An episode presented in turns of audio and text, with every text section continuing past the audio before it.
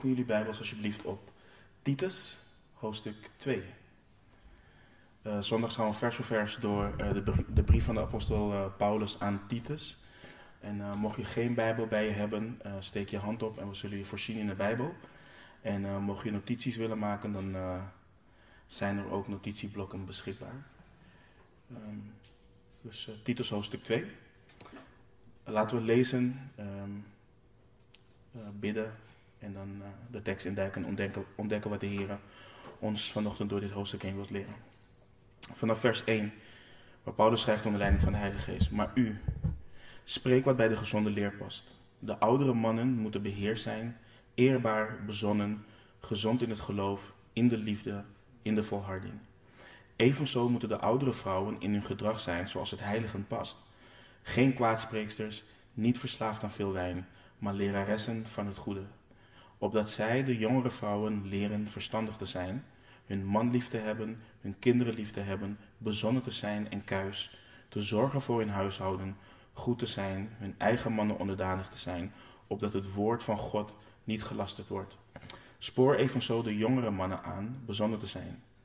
Betoon uzelf in alles een voorbeeld van, goed, van goede werken.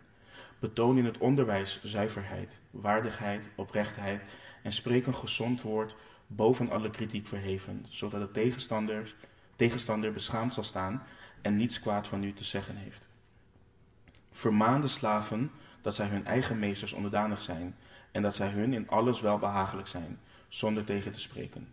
Dat ze niets ontvreemden, maar hun alle goede trouw bewijzen, opdat zij het onderwijs van God, onze zaligmaker, in alles tot sieraad mogen strekken. Want de zaligmakende genade van God is verschenen aan alle mensen en leert ons de goddeloosheid en de wereldse begeerten te verloochenen en in deze wereld, tegenwoordige wereld bezonnen, rechtvaardig en godvruchtig te leven. Terwijl wij verwachten de zalige hoop en verschijning van de heerlijkheid van de grote God en onze zaligmaker Jezus Christus. Hij heeft zichzelf voor ons gegeven, opdat hij ons zou vrijkopen van alle wetteloosheid en voor zichzelf een eigen volk zou reinigen, ijverig in goede werken. Spreek over deze dingen, bemoedig en wijs met alle gezag terecht. Laat niemand u verachten. Laten we bidden. Heer, we, Heer, elke week komen we samen, Heer. Ehm, op de woensdag, op de zondag, Heer, wanneer de vrouwen ook samenkomen om uw woord te openen, Heer. En we doen dat met ontzag voor u, ontzag voor uw woord. Omdat u een heilige en goede God bent. En Vader, we bidden en we vragen, vragen u, Heer, om onze ogen te openen onze oren te openen, Heer, om te zien, om te horen wat u ons vandaag wilt leren. Um, heer, um, open de ogen van ons verstand om ook te begrijpen wat u vandaag tot ons wilt spreken, Heer. Um, u weet hoe een ieder van ons hier is gekomen vanochtend. U weet met ja, wat voor zorgen we door de week heen zijn gegaan. U weet ja, of we verdrietig zijn, of we bemoediging nodig hebben. U weet ook of we vreugdevol zijn. En Heer, als we bemoediging nodig hebben, bemoedig ons alstublieft. En Heer, als we vreugdevol zijn, dan loven we en prijzen we U daarvoor. Dus Vader, we verwelkomen uh, U in ons midden. Um, we bidden en vragen om een zegen. Ook bij de kinderen vanochtend en alle andere samenkomsten waar mensen samenkomen om U te loven en U te prijzen. Heer, we houden van U en verwachten het allemaal van U. In Jezus' naam. Amen. Um, dit is inmiddels onze derde studie Ehm, in de brief Titus. En we hebben een, een hoop rijkdom al behandeld. De Laan heeft een aantal dingen behandeld de afgelopen twee studies. En het zijn dingen die centraal staan om uh, de rest van deze brief goed te begrijpen. Um, we hebben gezien waarom Paulus zijn metgezel Titus um, op Kreta heeft achtergelaten. We lazen dat in. Even kijken of, ik het, of het doet. Oh, hij doet het niet. we lazen dus in uh, Titus 1, vers 5. Om die reden heb ik u op Kreta achtergelaten, opdat u verder in orde zou brengen wat nog ontbrak, en van stad tot stad ouderlingen zou aanstellen, zoals ik u opgedragen heb. Dus Titus moest goddelijke mannen aanstellen om zorg te dragen voor de gemeente uh, van God. En we hebben gezien dat zo iemand onder andere onberispelijk moet zijn, de man van één vrouw, gelo gelovige, oftewel gehoorzame kinderen, uh, die niet te beschuldigen zijn van losbandigheid of opstandigheid. Um, en vers 7 leert ons ook dat een opziener een beheerder is van het huis van God. Dus hij is niet de eigenaar van Gods huis, maar een beheerder. Ehm, en naast onder andere deze karaktereigenschappen moet een opziener iemand zijn die zich bezighoudt um, met het betrouwbare woord van God, die daarmee weet om te gaan. Met als reden dat hij uh, dan bij machten is om broeders en zusters te, te, bemoedigen door het gezonde onderwijs en ook daarmee uh, tegensprekers kan weerleggen. En tegensprekers, daar waren er veel van op Kreta. Uh, vooral zij van de besnijdenis, dus de Joden. En deze opstandige mensen brachten hele huisgezinnen in verwarring uh, met, hun valse, met hun valse leer. Dus Paulus droeg Titus op om hen streng terecht te wijzen. En hij gaf ook specifieke kenmerken van deze valse leraren in vers 16 van, van hoofdstuk 1, waar, um, waar we lezen: Zij beleiden dat zij God kennen, maar zij verloochenen hem met hun werken, aangezien zij verfoeilijk zijn en ongehoorzaam en tot elk goed werk ongeschikt. Dus dit leert ons onder andere dat het niet alleen gaat om wat we beleiden, uh, maar dat, we, dat wat we beleiden, dat het overeenkomt met hoe we leven als christenen. En, uh, en na dus over de valse leraren gesproken te hebben, richt Paulus zich weer op Titus. Is, is, is hij te hard trouwens? Nee? Oké. Um, vanaf vers 1. Maar u, spreek wat bij de gezonde leer past. Dus Titus krijgt de opdracht om anders te zijn. Hij moet zich niet bezighouden met Joodse verzinsels um, en de geboden van mensen die zich van de waarheid afkeren. Titus moet spreken wat bij de gezonde leer past. Titus moest de waarheid over Christus, over God spreken. En dit niet zomaar, want het, het woord van God doet wat in de levens van mensen. Het woord van God produceert een heilig leven. Dus het is niet alleen uh, genoeg om zomaar de waarheid te, te, te verkondigen. Het gaat erom dat doctrine, zoals dat genoemd wordt, gezonde doctrine heeft niets met pure, pure kennis te maken. Gezonde doctrine hoort altijd toepasbaar in het leven van een wedergeboren persoon te zijn. En het woord van God heiligt. En daarom lazen we ook in het gebed van de Heer Jezus, 1 Johannes 17, 17, heilig hen door uw waarheid. Uw woord is de waarheid. En deze opdracht aan Titus geldt niet alleen voor hem, het geldt voor iedere opziener en iedere ouderling binnen een lokale gemeente. In een, in een gemeente van God hoort zijn woord rechtgesneden te worden. In zijn huis hoort zijn woord verkondigd te worden. Geen, geen verzinsels. En het ding is, tegenwoordig hoor je veel verzinsels uh, van achter de kansel uh, komen. Veel geboden van mensen die niet in overeenstemming leven met de waarheid die in Gods woord staat.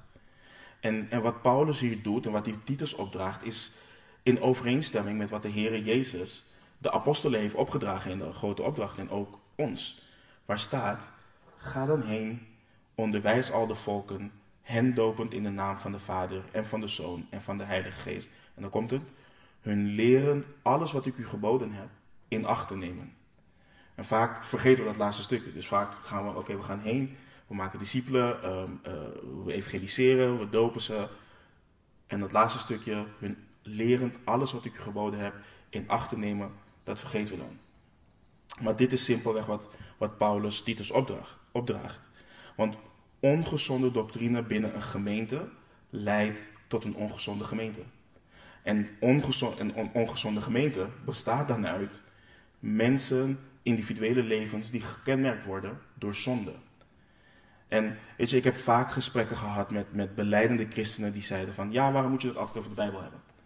Um, waarom altijd Bijbelversen? En het antwoord is simpel, omdat God door zijn Heilige Geest heeft overgeleverd in zijn woord dat we moeten spreken wat bij de gezonde leer past. Dat is wat we moeten doen. En ik heb het hier niet over, we kunnen het niet hebben over een voetbalwedstrijd, um, uh, of over het weer, of wat er op het nieuws voorbij is gekomen. Dat, daar draait het niet om.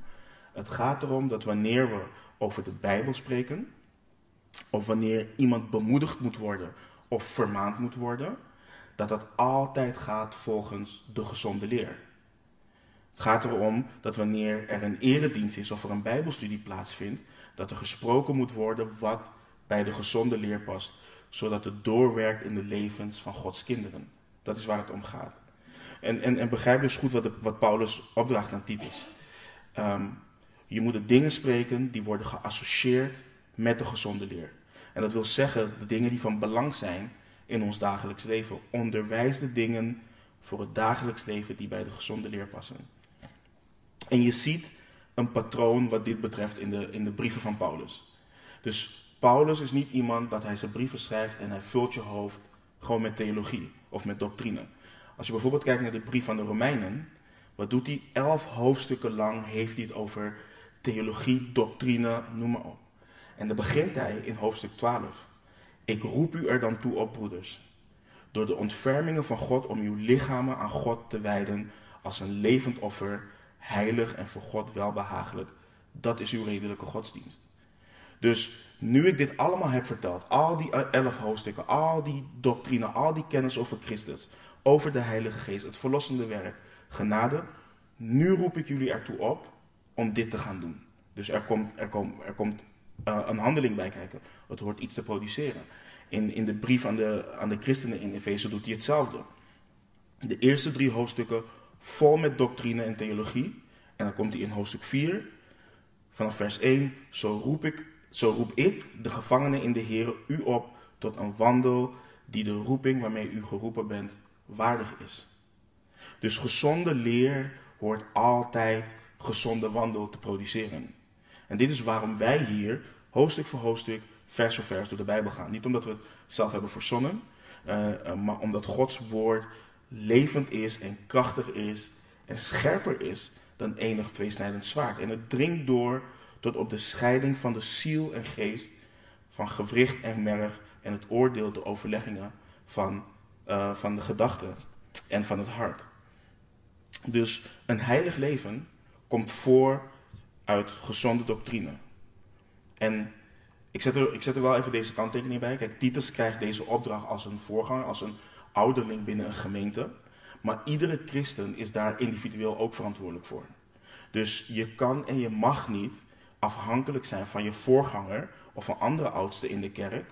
Ehm, want God wil ook persoonlijk tot jou spreken tijdens jouw persoonlijke tijd met Hem in het woord en in gebed.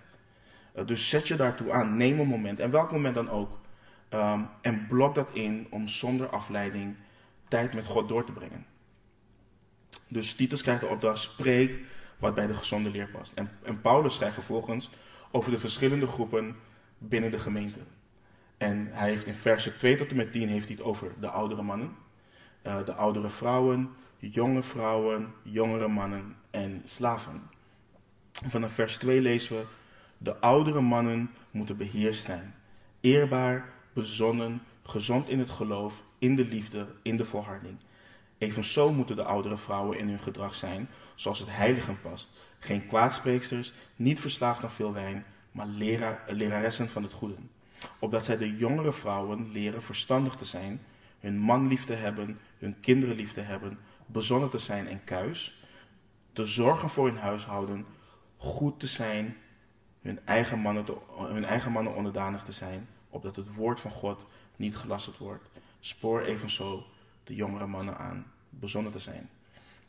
Dus Paulus maakt duidelijk dat Titus de oudere mannen moet leren om, om beheerst te zijn. Ze moeten eerbaar zijn, uh, bezonnen en gezond in het geloof. En ze moeten in de liefde en in de volharding zijn. En het, het feit dat dit onderwezen uh, of aangespoord moet worden uh, door Titus in het leven van oudere mannen leert dat, we kennen al wel, dat, tegeltje kennen we allemaal, hè? wijsheid komt met de jaren of verstand komt met de jaren. Leer dat het eigenlijk dus helemaal niet klopt. Deze dingen moeten we leren. Um, en dat oudere mannen, heel, heel, vaak zeggen ze ook in de psychologie, ja, wanneer je een bepaalde leeftijd hebt bereikt, dan kun je eigenlijk niet meer veranderen, want het zit helemaal ingebakken in je systeem. Nou, de Bijbel leert dat het dus niet waar is, want oudere mannen moeten dit gewoon geleerd worden. Als ze op hun vijftigste, zestigste tot geloof komen, dan kunnen ze niet blijven zoals ze altijd zijn geweest. Dus um, God, zijn woord, produceert deze dingen in het leven van oudere mannen. En vervolgens zie je dat Paulus in vers 3 begint met evenzo. En in vers 6 ook aan de jongeren met evenzo. Dus wat Paulus dus heeft opgedragen aan Titus voor de oudere mannen, dat geldt niet alleen voor hen. Dat geldt ook voor de oudere vrouwen, voor, voor, voor de jongere vrouwen en voor de jonge mannen en slaven. Het is voor elke groep binnen de gemeente. Maar nu gaat hij het specifiek hebben over de vrouwen. Of over de oudere vrouwen. En God heeft een belangrijke taak weggelegd voor oudere vrouwen binnen de gemeente. Um, en niet alleen vrouwen op leeftijd, maar ik geloof ook volwassen vrouwen in de Heer. En Deze dingen zijn belangrijk, want mensen komen, komen met een verleden tot Christus. En misschien hebben ze geen goddelijke voorbeelden gehad ehm, om hen te leren hoe ze zorg moeten dragen voor hun huis. Misschien weten ze niet hoe ze van hun man moeten houden of van hun kinderen. Weet je, hedendaagse feminisme leert ons namelijk om niet aan je gezin te denken, maar vooral aan jezelf.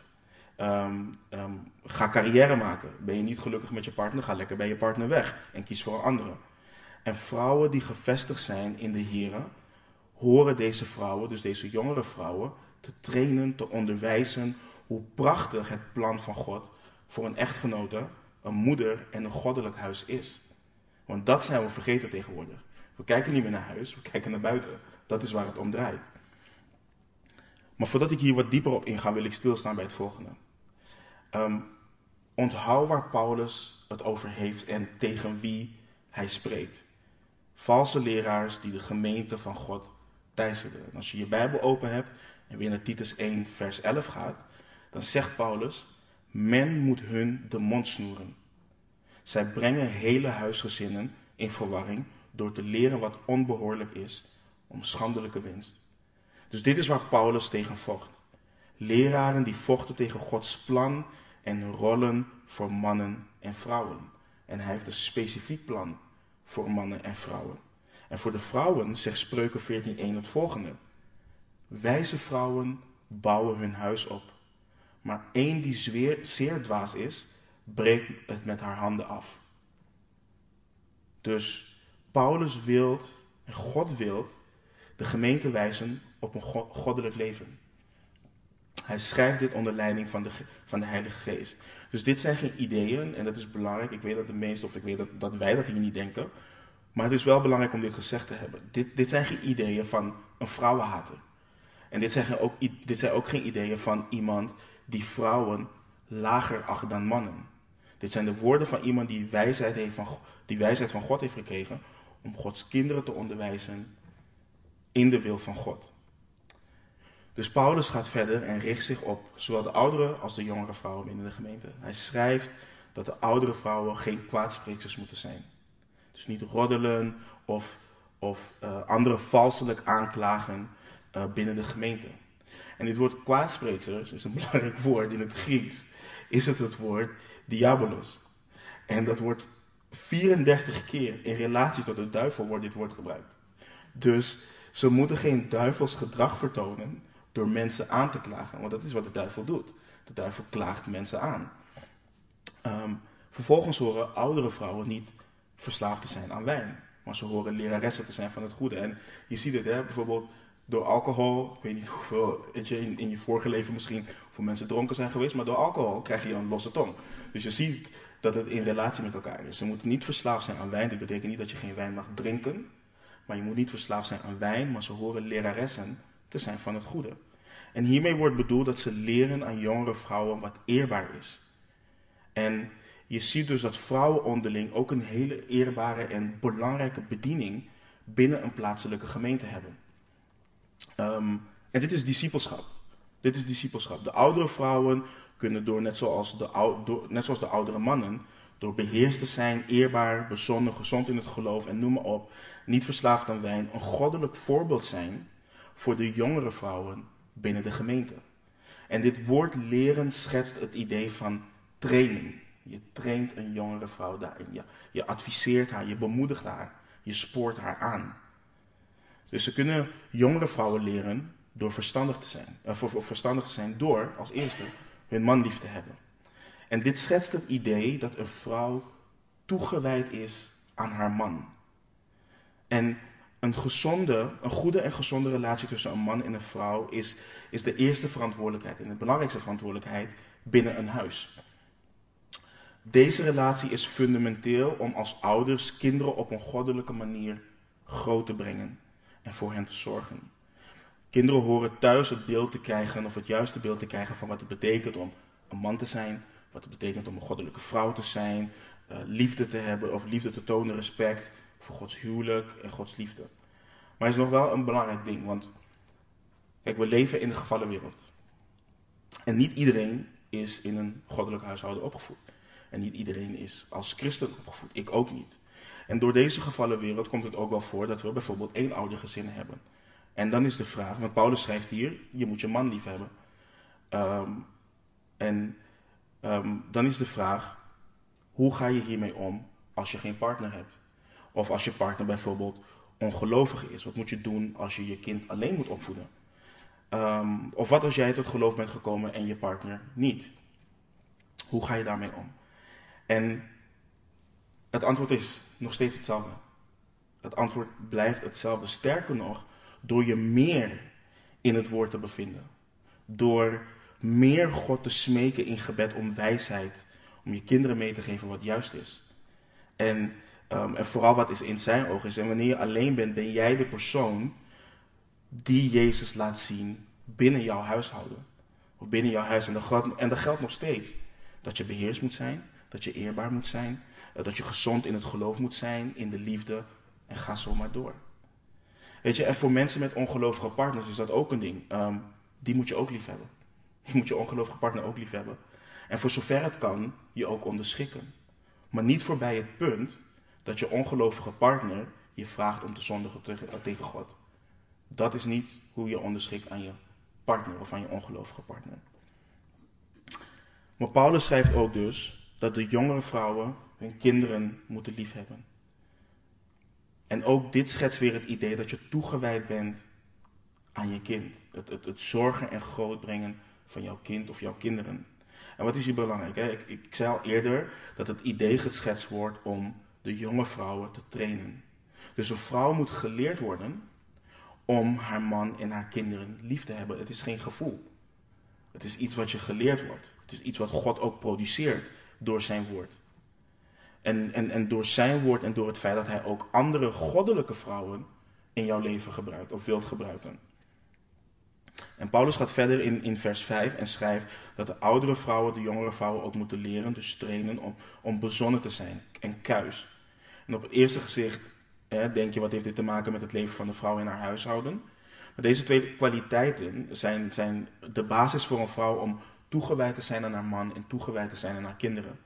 En Paulus schetst dus het idee dat ze zelfbeheersing horen te hebben en dat ze puur horen te zijn, rein horen te zijn. En in vers 5 leren we ook dat ze geleerd moet worden te zorgen voor hun huishouden, goed te zijn. En dit leert ons dat een liefhebbende vrouw en moeder goed zorg draagt voor haar huishouden. En dit schetst niet alleen het idee dat het hele huis elke dag spik en span moet zijn, maar ook het idee dat je man of dat haar man en haar kinderen niets tekort komen. Weet je, een, goddelijke vrouw, de Bijbel leert ook, überhaupt over alle kinderen van God, maar een goddelijke vrouw mag niet lui zijn. Ze mag niet betrapt worden op lui zijn. Dit betekent niet dat je nooit moe mag zijn, want we zijn allemaal wel eens moe. Maar het gaat erover dat we niet lui zijn. En dat, um, dat door je man en je kinderen te, dienen, dien je ook de Heer. En dat is iets waar we niet lichtelijk mee om moeten gaan. Een ander ding ook, voor de duidelijkheid, dit vers en deze versen leren niet dat een vrouw gevangen thuis moet zitten. Dat is niet wat dit leert. En dat ze achter het aanrecht horen of al die onsmakelijke dingen die je wel eens hoort over vrouwen. Um, een vrouw kan prima buitenshuis werken. Um, een vrouw is geen slaaf van haar man en hoort niet geforceerd te worden om thuis te blijven. Je ziet bijvoorbeeld dat de deugdelijke vrouw in Spreuken 31, dat die ook buiten huis werkte. Dat haar bediening ook buiten haar huis reikte. En um, als, dit iets is wat ter sprake komt, is dit iets waar je Gods wijsheid voor moet zoeken en Gods leiding in moet zoeken. Of je als vrouw wel of niet thuis gaat blijven of wat dan ook. Maar dit is niet de default setting. Elke christelijke vrouw hoort thuis te zitten. Dat is niet wat de Bijbel leert. Maar Paulus leert wel dat een vrouws eerste prioriteit is, is haar huis. Is haar man, haar kinderen. Niet om carrière te gaan maken. Maar dat geldt ook voor mannen. Want als je als man carrière gaat maken, dan verwaarloos je je, huis ook. Dus dit geldt voor zowel vrouwen als mannen. En nu komt het stuk wat voor de wereld een, een, een supervies woord is. En niet alleen voor de wereld, het is zelfs de kerk binnengeslopen. Deze vrouwen moesten geleerd worden om hun man onderdanig te zijn. Opdat het woord van God niet gelasterd wordt.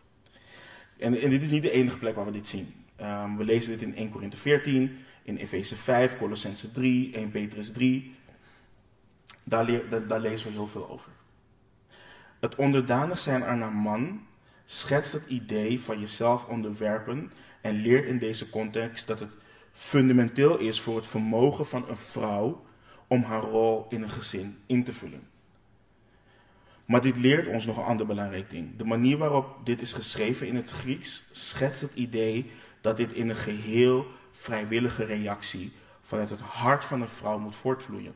En dit vloeit voort uit haar grotere onderwerping aan Gods plan voor het gezin. Dus er wordt nergens, en het is belangrijk om dat ook om dat te zeggen, nergens wordt er bijvoorbeeld aan een man opgedragen om deze onderwerping van een vrouw op te eisen. Dat is niet wat de Bijbel leert. Een vrouw onderwerpt zich aan haar man omdat het een goddelijke man is. En omdat ze zich als eerste aan God onderwerpt. Dat is waarom een vrouw uh, zich onderwerpt aan een man. En de andere ding, een man hoort zijn vrouw lief te hebben zoals Christus de gemeente heeft liefgehad. Dat leren we in Efeze 5. We leren hierin dat Christus zichzelf voor de gemeente heeft overgegeven. Opdat hij haar zal heiligen, door haar te reinigen met het waterbad door het woord, opdat, zij, opdat hij haar in heerlijkheid voor zich zal plaatsen. Een gemeente zonder smet of rimpel of iets dergelijks, maar dat zij heilig en smetteloos zal zijn. Dus bijbels gezien is het hoofd zijn geen dictatorschap, of dat je de baas bent. Het is een liefdevolle, als we kijken naar Christus, is het een liefdevol leiderschap waar de man een dienaar is en de verantwoordelijkheid binnen een relatie neemt. Een man hoort zijn vrouw op een zelfopofferende manier lief te hebben. Net zoals Christus dat ook heeft gedaan en nog steeds doet voor zijn gemeente. En Paulus geeft de reden aan um, voor de jongere vrouwen horen te leren. En dat is opdat het woord van God niet gelasterd wordt. Dus dit is, dit is niet cultureel gebonden. Zie je, dit heeft te maken met Gods plan en met Gods woord. Dus het is niet van, oh, 2000 jaar geleden was dit zo omdat vrouwen een andere rol hadden binnen uh, de cultuur of binnen de maatschappij. Nee, dit is opdat Gods woord niet gelasterd wordt. Gods woord is onveranderlijk, het. Het was toen, was het goed en nu ook nog steeds. Dus de zorg van Paulus is dat ons leven als een kind van God, en vooral voor een dochter dan nu in dit geval, dus hoe wij ons leven uitdragen, nooit het woord van God in discrediet mag brengen. Dus ik denk dat het belangrijk is voor, voor vrouwen, en zeker de, de afslag die we hebben genomen in onze feministische maatschappij, waarin vrouwen worden opgedragen om de broek in huis aan te hebben, um, of wanneer ze voor worden uitgemaakt omdat ze thuis zitten. Um, maar dat ze gaan beseffen dat Paulus, wat Paulus hier opdraagt, dat dit bijdraagt aan het uitdragen van het evangelie van Christus. En als we dat in ons gedachten houden, dan weten we hoe we ons horen waarom we ons horen te houden aan het plan van God. Dat dit het evangelie van Christus ook uitdraagt.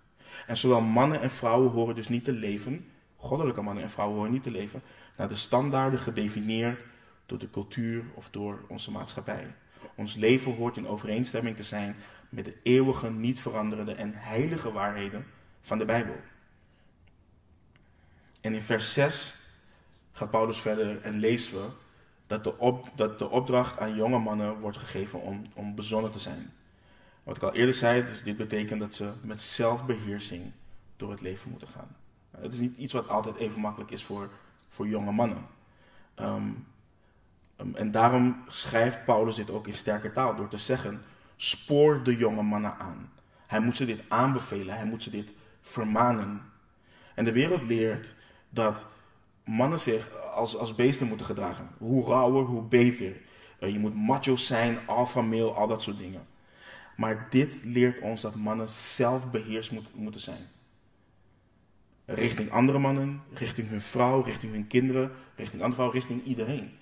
Een goddelijke jonge man, en dat geldt gewoon voor iedereen, maar een goddelijke jonge man in deze context hoort zelf, zelfbeheersing uit te oefenen. En als je het leven van onze Heer Jezus bestudeert, hij was niet de definitie van de wereldse alfameel. Dat was hij absoluut niet. Ehm, hij was zachtmoedig.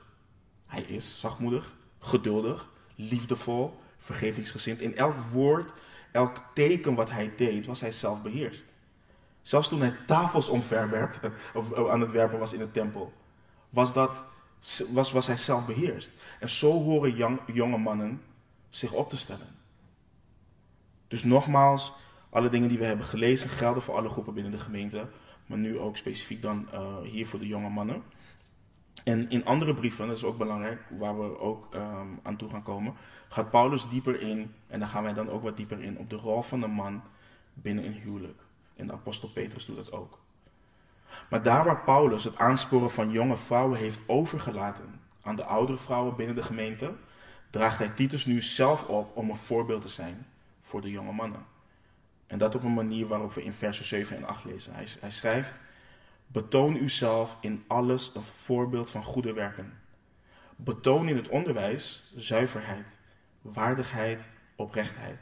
En spreek een gezond woord boven alle kritiek verheven, zodat de tegenstander beschaamd zal staan en niets kwaad van u te zeggen heeft. Dus Titus moest in alles Ehm, een voorbeeld zijn van goede werken. En nogmaals, hè, hij heeft het eerder gehad over zelfbeheersing. Ook hetzelfde ook met, weet je, jonge mannen, testosteron gaat door je, door je lichaam. Misschien zie je een jonge vrouw of wat dan ook. Daar moet je met zelfbeheersing mee omgaan. Dat is, dat is wat Paulus leert. En Titus moest in alles een voorbeeld zijn van goede werken. En voor ons is het volgende. Laat dit ons niet zien hoe de goedheid van Christus hoort te regeren in elk aspect van ons leven. Want hoe kunnen jonge, goddelijke mannen opstaan wanneer er geen goddelijke voorbeelden zijn waar ze naar op kunnen kijken? Dan, dan, dan krijg je geen goddelijke mannen. Een goddelijke man ehm, wordt gemaakt en gevormd door het woord van God. En dat is belangrijk om te houden.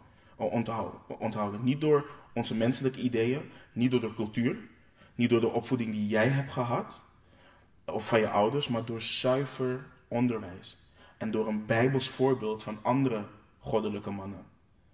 En weet je, je ziet tegenwoordig zoveel mensen spreken over goede werken.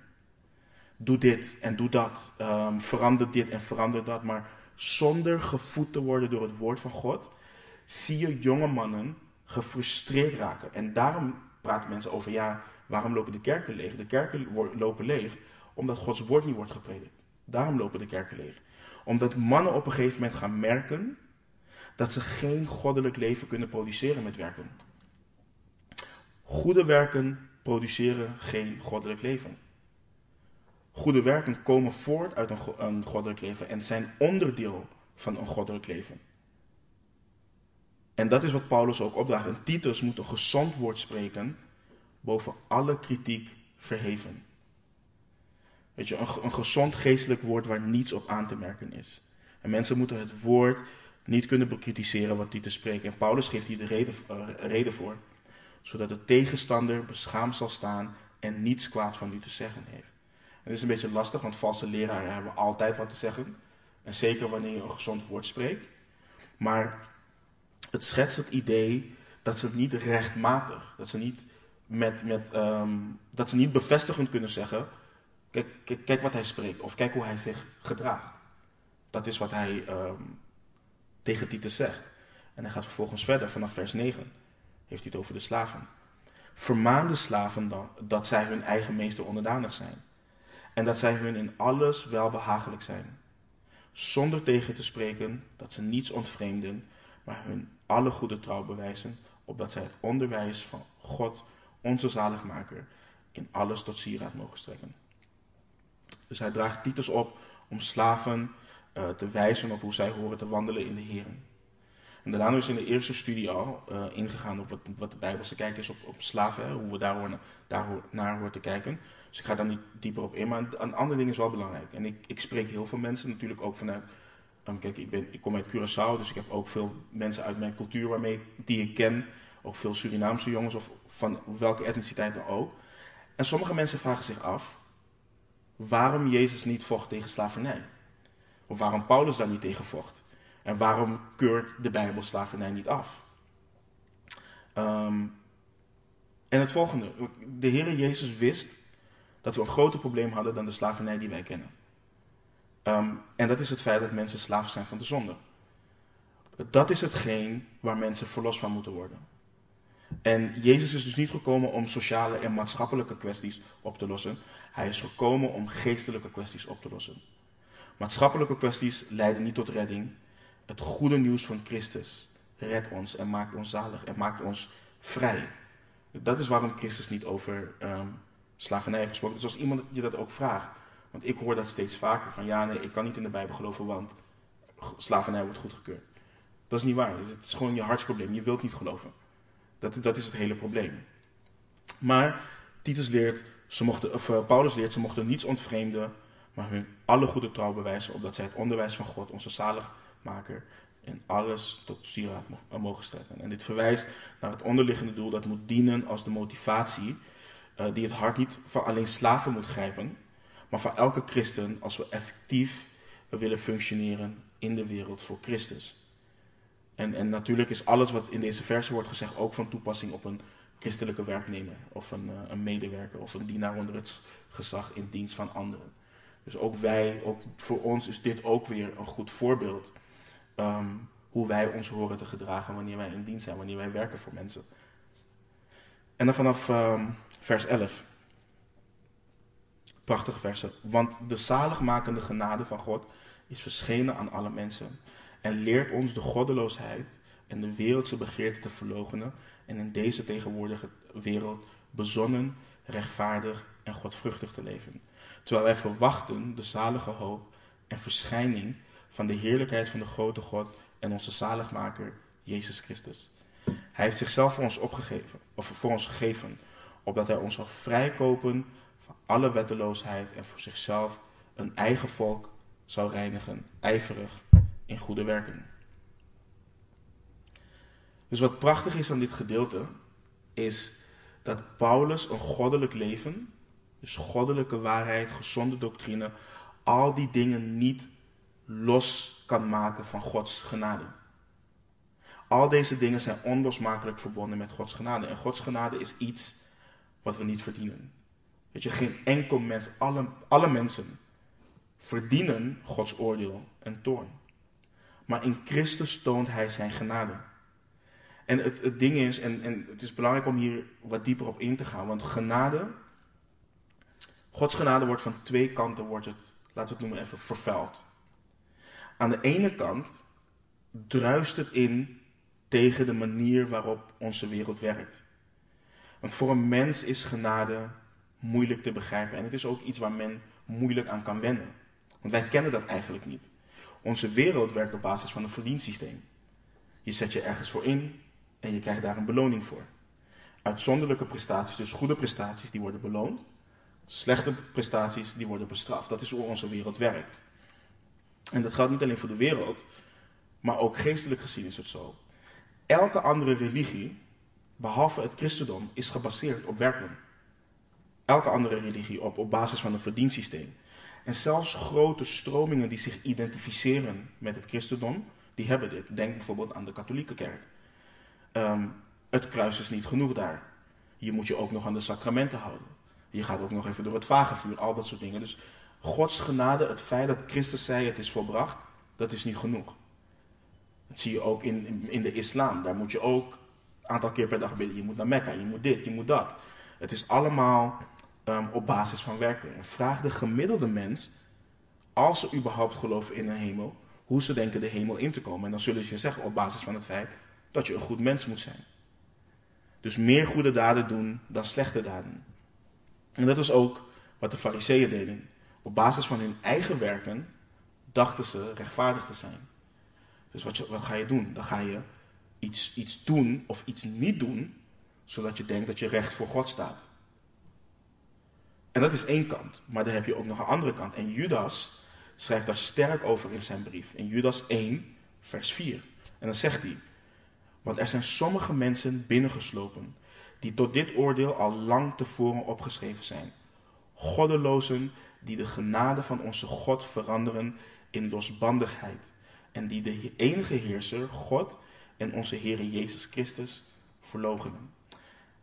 En de key is die de genade van onze God veranderen in losbandigheid. Dus je hebt aan de ene kant zij die willen werken voor genade. Die zeggen nee, nee, nee, oké, ja, ik snap dat het, ik snap dat het uh, genade is. Maar als ik dit nog extra doe, dan zet ik mijn stempel door. Maar dan heb je de andere groep die zegt, oh, maar genade, dan kan ik gewoon alles doen wat ik wil. Losbandigheid. En veel beleidende christenen leven op een manier waarin ze denken of geloven dat Gods genade zo groot is dat ze kunnen leven hoe ze willen. Want ze zijn immers vrijgekocht. En wat je heel vaak hoort, ja, ik val niet meer onder de wet. Dat hoor je heel vaak bijvoorbeeld. Of nee, God is liefde. En waar je dit heel vaak ziet, je ziet het vooral bij seksuele zonden. Heel vaak. Denk bijvoorbeeld aan homoseksualiteit. Maar ook waar beleidende christenen gewoon samenwonen voordat ze getrouwd zijn. En dan zeggen ze, ja, God ziet ons als getrouwd. Of wanneer je aanpakt met een ongelovige. En dan zegt, ja, God kan in mijn hart kijken. Weet je, hij weet dat ik voor altijd met hem of met haar wil blijven. En hij kan mij gebruiken om die persoon tot bekering te brengen. En wat je dan zegt zonder na te denken is, God gaat mij gebruiken en laat mij zondigen om iemand anders tot bekering te, te brengen. Dat is niet hoe God werkt. Dat is niet de God van de Bijbel. En Paulus tackelt dit in zijn uh, brief aan de christenen in Rome, in Romeinen 6, versen 1 en 2. Dan zegt hij, wat zullen wij dan zeggen? Zullen wij in de zonde blijven opdat de genade toeneemt? En dan zegt hij zelf in vers 2, volstrekt niet. Hoe zullen wij, die met betrekking tot de zonde gestorven zijn, nog daarin leven? Dus je hebt twee kampen die zo hard tegen Gods genade ingaan. Maar Paulus leert ons hier, voor zover we met ons menselijk verstand kunnen begrijpen, wat de genade van God inhoudt. Maar ook wat het doet met de mens. En hij zegt, of hij schrijft, Gods genade leert ons de goddeloosheid en de wereldse begeerten te verloochenen. En dit is precies wat ik mensen uitleg wanneer ik de beroemde vraag krijg: mag je als christen dit? Of mag je als christen dat? Of mag je dit niet meer? En het is niet het mogen wat de issue is. Ik wil het gewoon niet. Ik wil het niet meer als christen. Weet je, door Gods genade wil je bijvoorbeeld niet meer liegen. Wil je niet schuldig maken aan hoererij of wil je niet hoogmoedig zijn. Je wilt niet meer egoïstisch zijn of verteerd worden door lust en daar vervolgens naar handelen. Je wilt niet meer roddelen of noem maar op. En Gods genade leert ons de goddeloosheid en de wereldse begeerten te verloochenen. En wat je, wat, wat je beseft, één ding besef je heel goed.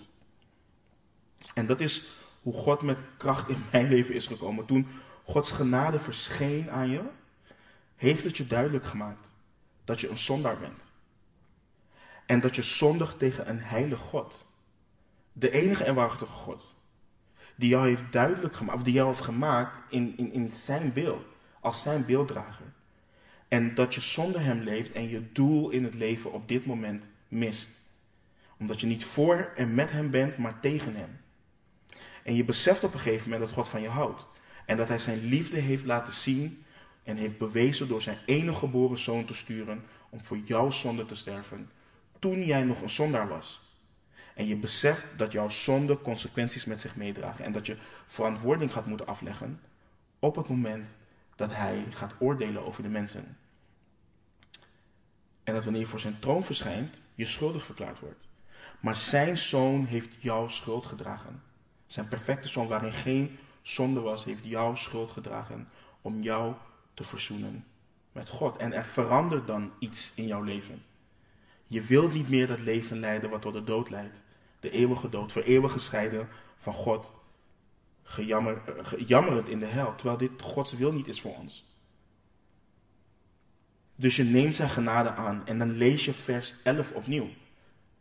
Want de zaligmakende genade van God is verschenen aan alle mensen en leert ons de goddeloosheid en de wereldse begeerten te verloochenen. En Johannes heeft ons in Johannes 1,17 geleerd. Want de wet is door Mozes gegeven. De genade en de waarheid zijn er door Jezus Christus gekomen. En, en begrijp me niet verkeerd. Het is niet alsof genade in het Oude Testament niet bestond. Niemand is ooit gered of gerechtvaardigd buiten Gods genade om. Maar we leren hier ook dat Christus de belichaming is van Gods genade. En dat gaat dan verder. Want we verlogen het niet alleen. Er komt nu wat bij. En in deze tegenwoordige wereld bezonnen, rechtvaardig en godvruchtig leven. En daar is het woord bezonnen weer. Dus we geven niet meer toe aan onze zonden. Want nu krijgen we door de geest de kracht om in zelfbeheersing te leven en te wandelen. Dus we hoeven niet meer toe te geven aan onze begeerten. En Paulus schrijft het ook in Romeinen 8, vers 12, waar hij schrijft: Wel nu, broeders, wij zijn aan het vlees niet verplicht om naar het vlees te leven. Is God niet groot? We, komen, we kunnen nu door God bezonnen, rechtvaardig en godvruchtig leven. En dan grijp je dat kostbare cadeau van vergeving in zijn zoon en eeuwig leven met beide handen en vraag je God om jou te leiden door dit leven. En dan door de kracht van, van zijn geest sterf je aan jezelf en ga je Christus achterna. En dan krijgt Galaten 22 opeens een hele andere betekenis. Ik ben met Christus gekruisigd en niet meer ik leef. Maar Christus leeft in mij. En voor zover ik nu in het vlees leef, leef ik door het geloof in de Zoon van God. Die mij heeft liefgehad en zichzelf voor mij heeft overgegeven. En wat prachtig is, en dat schrijft Paulus ook, deze genade is er voor iedereen. Hij schrijft, het is verschenen aan alle mensen. Dus ieder mens mag en kan tot Christus komen. En dit prachtige nieuwe leven, vergeven van zonde, ontvangen. Want wat, wat, wat schrijft Paulus in 1 Timotheus 1 vers 15? Hij schrijft, dit is een betrouwbaar woord. En alle aanneming waard dat Christus Jezus in de wereld gekomen is om zondaar zalig te maken, van wie ik de voornaamste ben. En hij schrijft niet dat Christus Jezus is gekomen in de wereld om sommige zondaars zalig te maken. Hij schrijft zondaars. Alle zondaars. En het is Paulus die ook schrijft in Romeinen 3:23. Want allen hebben gezondigd en missen de heerlijkheid van God. Dus deze genade, Christus, is er voor iedereen. Ehm, en door het leven van Christus te bestuderen, zijn offer aan het kruis, dan wil je niet meer wandelen naar de begeerten van de wereld en naar je eigen begeerten. En Paulus gaat verder, want de genade van God leert ons om zowel naar de toekomst te kijken als naar het verleden in relatie tot Christus. Schrijf vanaf vers 13 dus, terwijl wij verwachten de zalige hoop en verschijning van de heerlijkheid van de grote God en onze zaligmaker Jezus Christus. Hij heeft zichzelf voor ons gegeven opdat hij ons zal vrijkopen van alle wetteloosheid en zichzelf een eigen volk zal reinigen, ijverig in goede werken.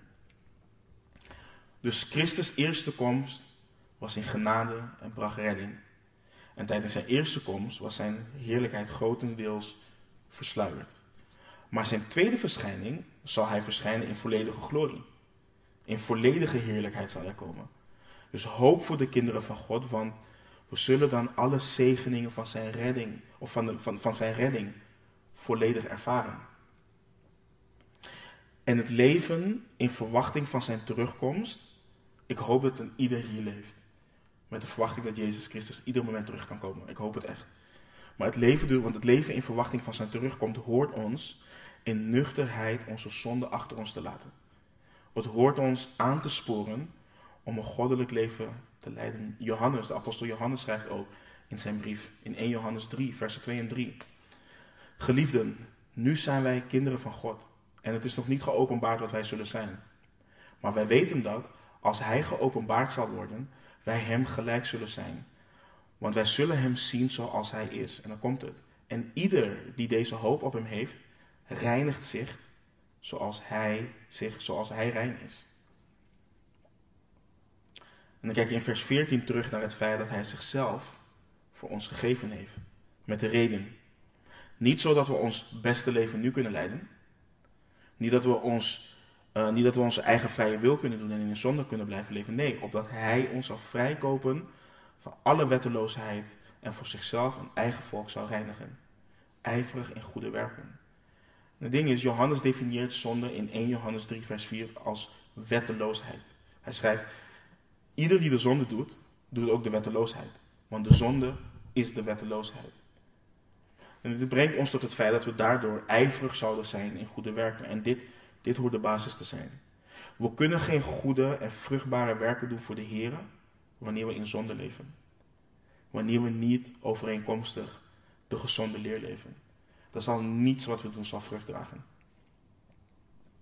En soms vragen mensen ook, weet je, hoe kan het dan dat valse leraren zulke megachurches hebben en hoe komen daar zoveel mensen? Ja, en dan moet je vragen, hoe staat het met de ziel van die mensen daar? Want wat wordt daar verkondigd? Is het de Jezus Christus van de Bijbel? Of de Jezus Christus die die voorganger zelf heeft verzonnen. Dus, en we weten dat de enige Christus die redt, Christus van de Bijbel is. En geen enkele andere Christus. En laatste vers dan, en dan gaan we afsluiten. Hij schrijft, spreek over deze dingen. Bemoedig en wijs met alle gezag terecht. Laat niemand u verachten. Titus, en, en niet alleen Titus, iedere oudste binnen de gemeente hoort over deze dingen te spreken. Alle, alle dingen die we hebben behandeld in deze 15 of in deze 14 voorgaande versen. En mensen te bemoedigen met deze waarheid, maar ook mensen terecht te wijzen met deze waarheid. En Titus moest dit met gezag doen. En Titus was een jonge man, bijvoorbeeld bij de oudere mannen. Hè, de oudere mannen konden op hem neerkijken. Daarom schrijft uh, Paulus ook aan Timotheus dat niemand je verachten vanwege je jeugdige leeftijd. Um, maar hij moest dit met gezag doen. En, en dit houdt niet in dat hij de baas was over het leven van de mensen en dat hij over hen kon heersen. Maar het woord van God zuiver gepredikt heeft al gezag op zich. En als je dat afwijkt, als je dus als ik dus naar iemand kom, of als welke broeder dan ook, of zuster naar elkaar komt, en iemand vermaant met het woord, en die persoon het niet wil aannemen, dan neemt hij niet jou aan, hij, hij verwerpt het woord. En dat is belangrijk om, um, om te onthouden.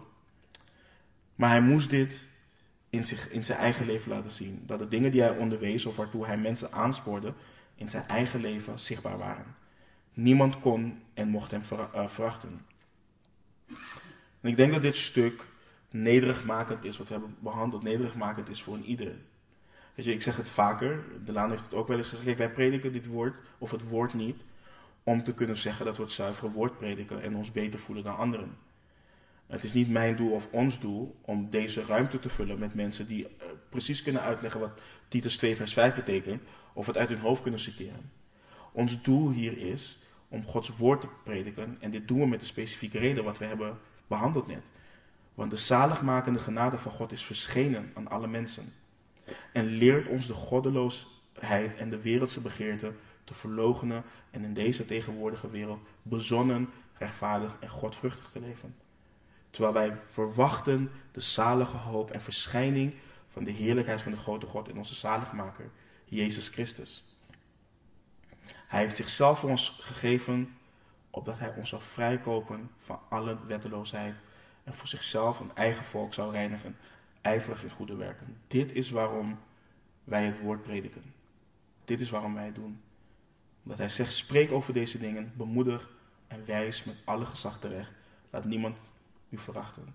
Dus het woord van God, gezonde leer, produceert een heilig leven. En we onderwijzen dit zodat de overdenkingen van jouw hart en gedachten getoetst worden om vervolgens te gaan leven naar Gods wil voor jouw leven.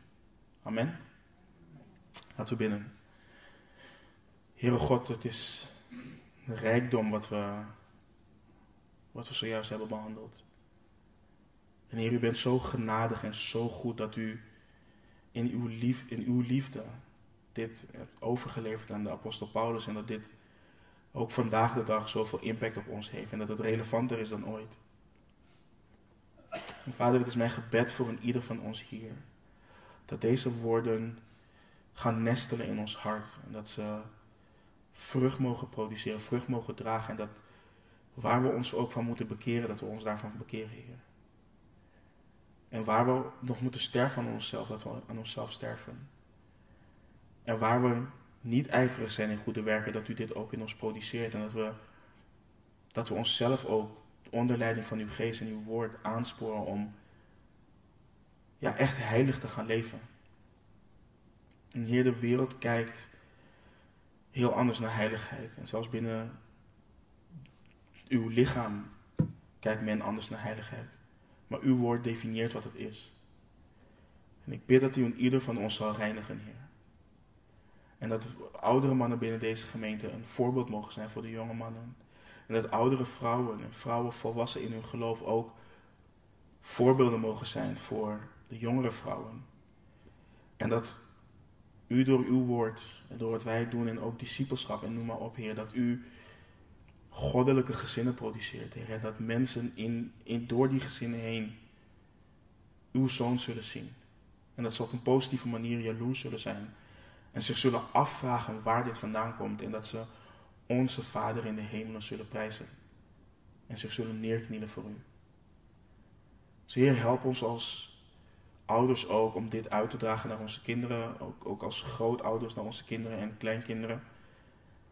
En we vragen u, Heer, om ons te vervullen met uw geest en deze dingen te bewerkstelligen in ons leven. Heer, we danken u, we loven en prijzen uw naam en we houden van u, Heer. En bidden al deze dingen in Jezus' naam. Amen.